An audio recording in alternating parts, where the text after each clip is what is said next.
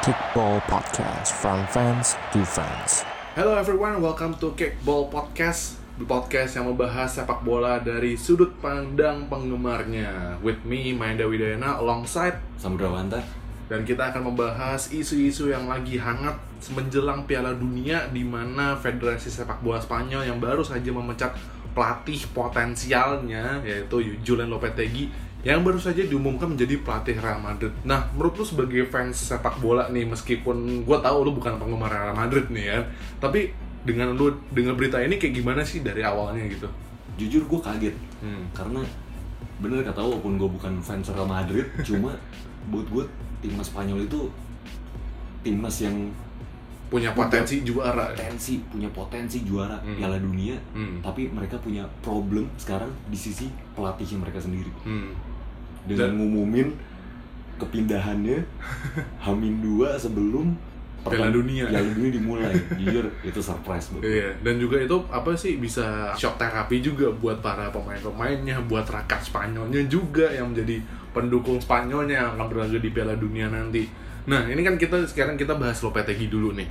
Menurut lo kalau misalnya Lopetegui menjadi pelatih Real Madrid, kira-kira kalau misalnya kita membandingin Zidane di mana Zidane udah membawa prestasi yang udah begitu luar biasanya dengan Champions League tiga kali berturut-turut, juara Liga Spanyol satu kali, juara Piala Super Eropa, juara Piala Super Spanyol, Piala Dunia antar klub dan ini prestasi yang luar biasa banget menurut gue sebagai fans Real Madrid juga. Menurut lo kalau misalnya kita membandingin Zidane sama Lopetegui kira-kira ini kayak gimana sih perbandingannya? Dari sudut pandang lo nih dari sudut pandang gue kalau kita ngelihat rekam jejak mereka sebelum uh, melatih Real Madrid hmm.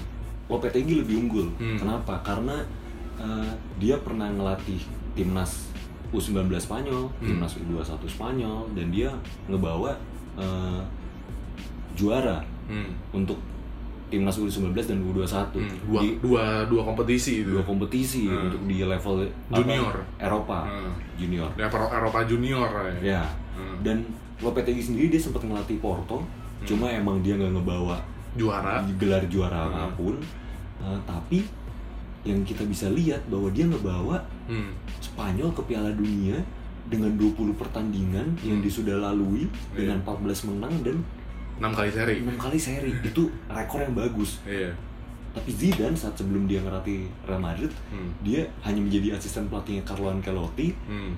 Lalu dia ngelatih Real Madrid Castilla lalu diangkat tim jadi juniornya Real Madrid Hmm, lalu dia diangkat jadi pelatih senior. Zidane sendiri bisa ngebuktiin bahwa dia bisa ngebawa Real Madrid ngejuara ke 13 kalinya hal yang superior Iya. karena klub gue sendiri AC Milan cuma tujuh kali gitu masih kalah sama Real masih Madrid kalah. masih Nah, kalah cuma kalau kita kembali lagi ini beban berat buat Lopetegui hmm. tapi dia harus bisa membuktikan diri bahwa dia pantas menjadi suksesor Zidane Hmm. bisa gak dia mempertahankan sukses yang ini nih suksesnya Zidane tiga kali gelar juara Liga Champion dan apakah Lopetegui ini berhasil mengalahkan dominasi Barca di La Liga Hmm. karena Barca di La Liga tuh superior banget Hmm, hmm. Bahkan kemarin kayak musim yang kemarin yang terakhir kan juga Real Madrid posisi di Liga Spanyol juga di bawahnya Barca sama Atletico Madrid, Iya. which is di posisi ketiga, Iya. gitu. Di mana nanti Lopetegui bisa membalikan keadaan itu semua gitu juga Iya. kan.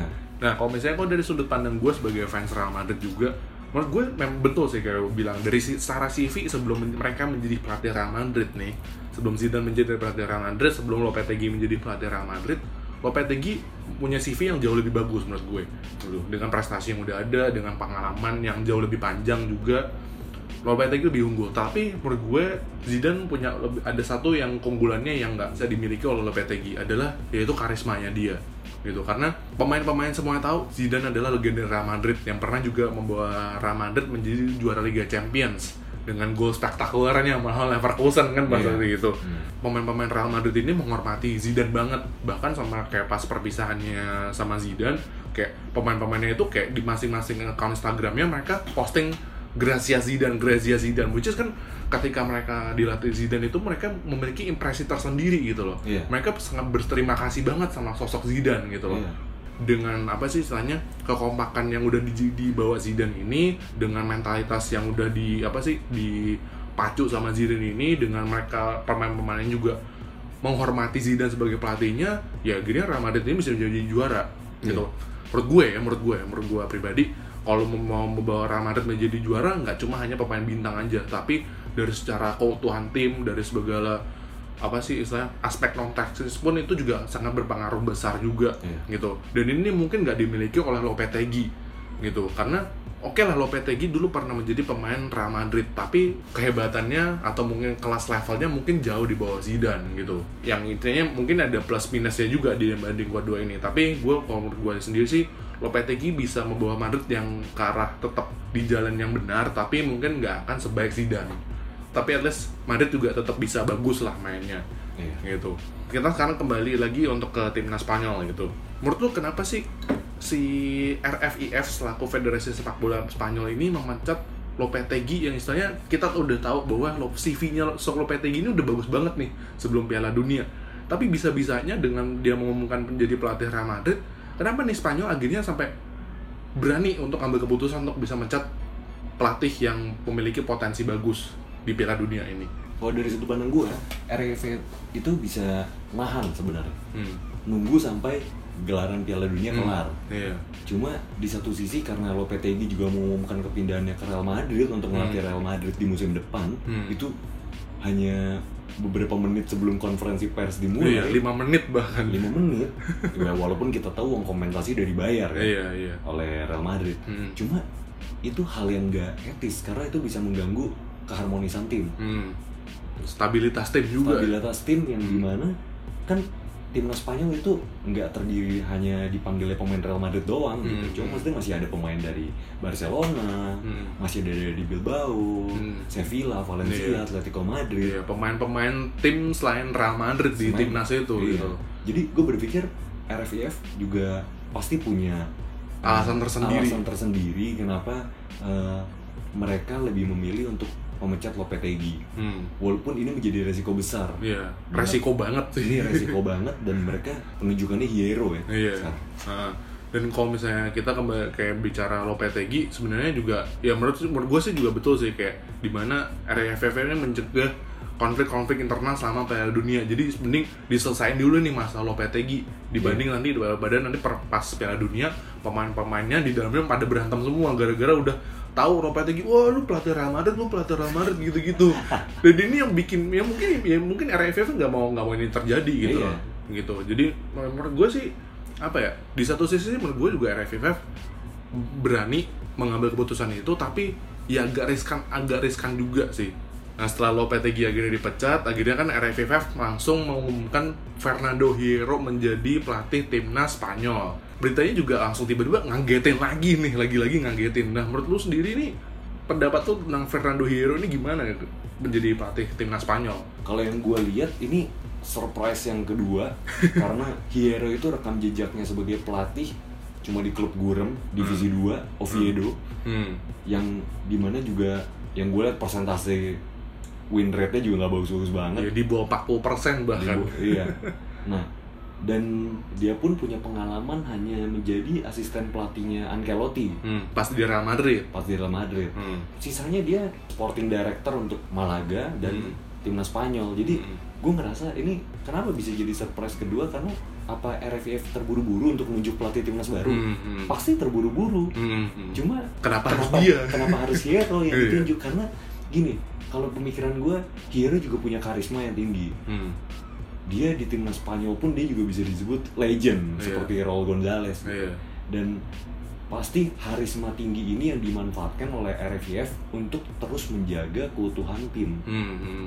Karena kan juga dulu kan Fernando Hierro ini pernah menjadi kapten timnas Spanyol Iya. dan kapten Real Madrid juga nih. Iya. Jadi istilahnya apa aura-aura legend itu tetap dibawa nih sama Iya, timnas Spanyol. aura gitu. kepemimpinannya Nah, aura diperluin. kepemimpinan. Hmm. Dan juga kalau misalnya dari segi taktikal menurut lu gimana nih Hierro?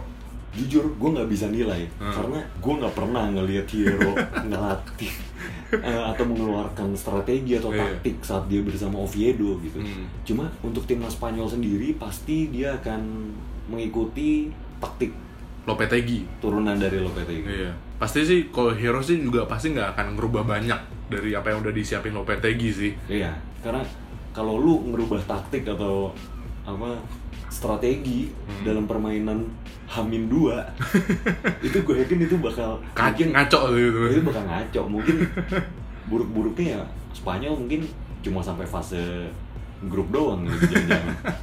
Iya. Gak ada yang nyangka, Iya. bola bundar bro. Iya.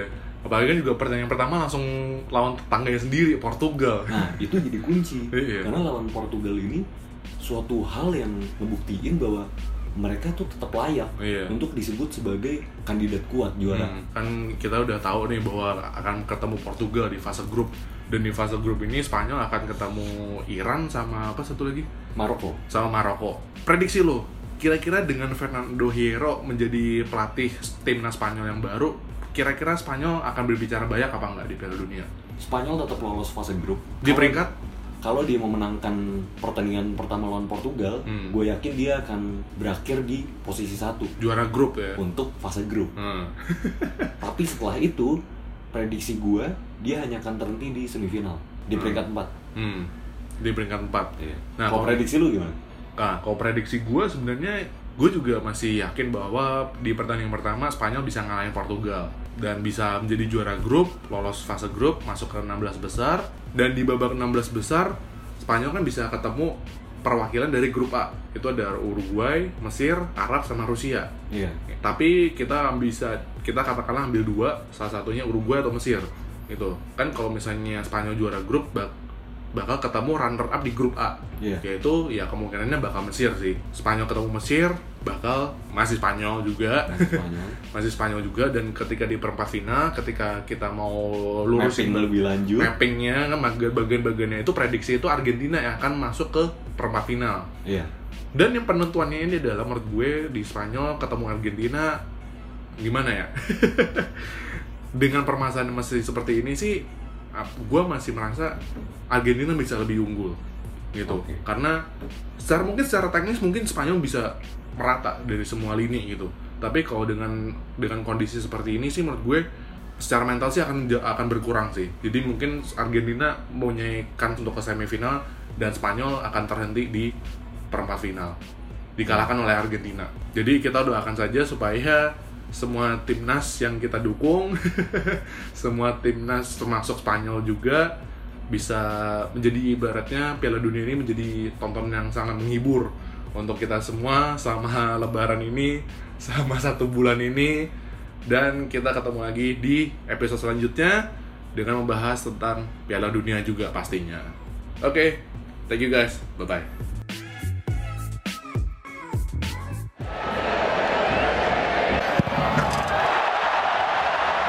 Kickball Podcast from fans to fans.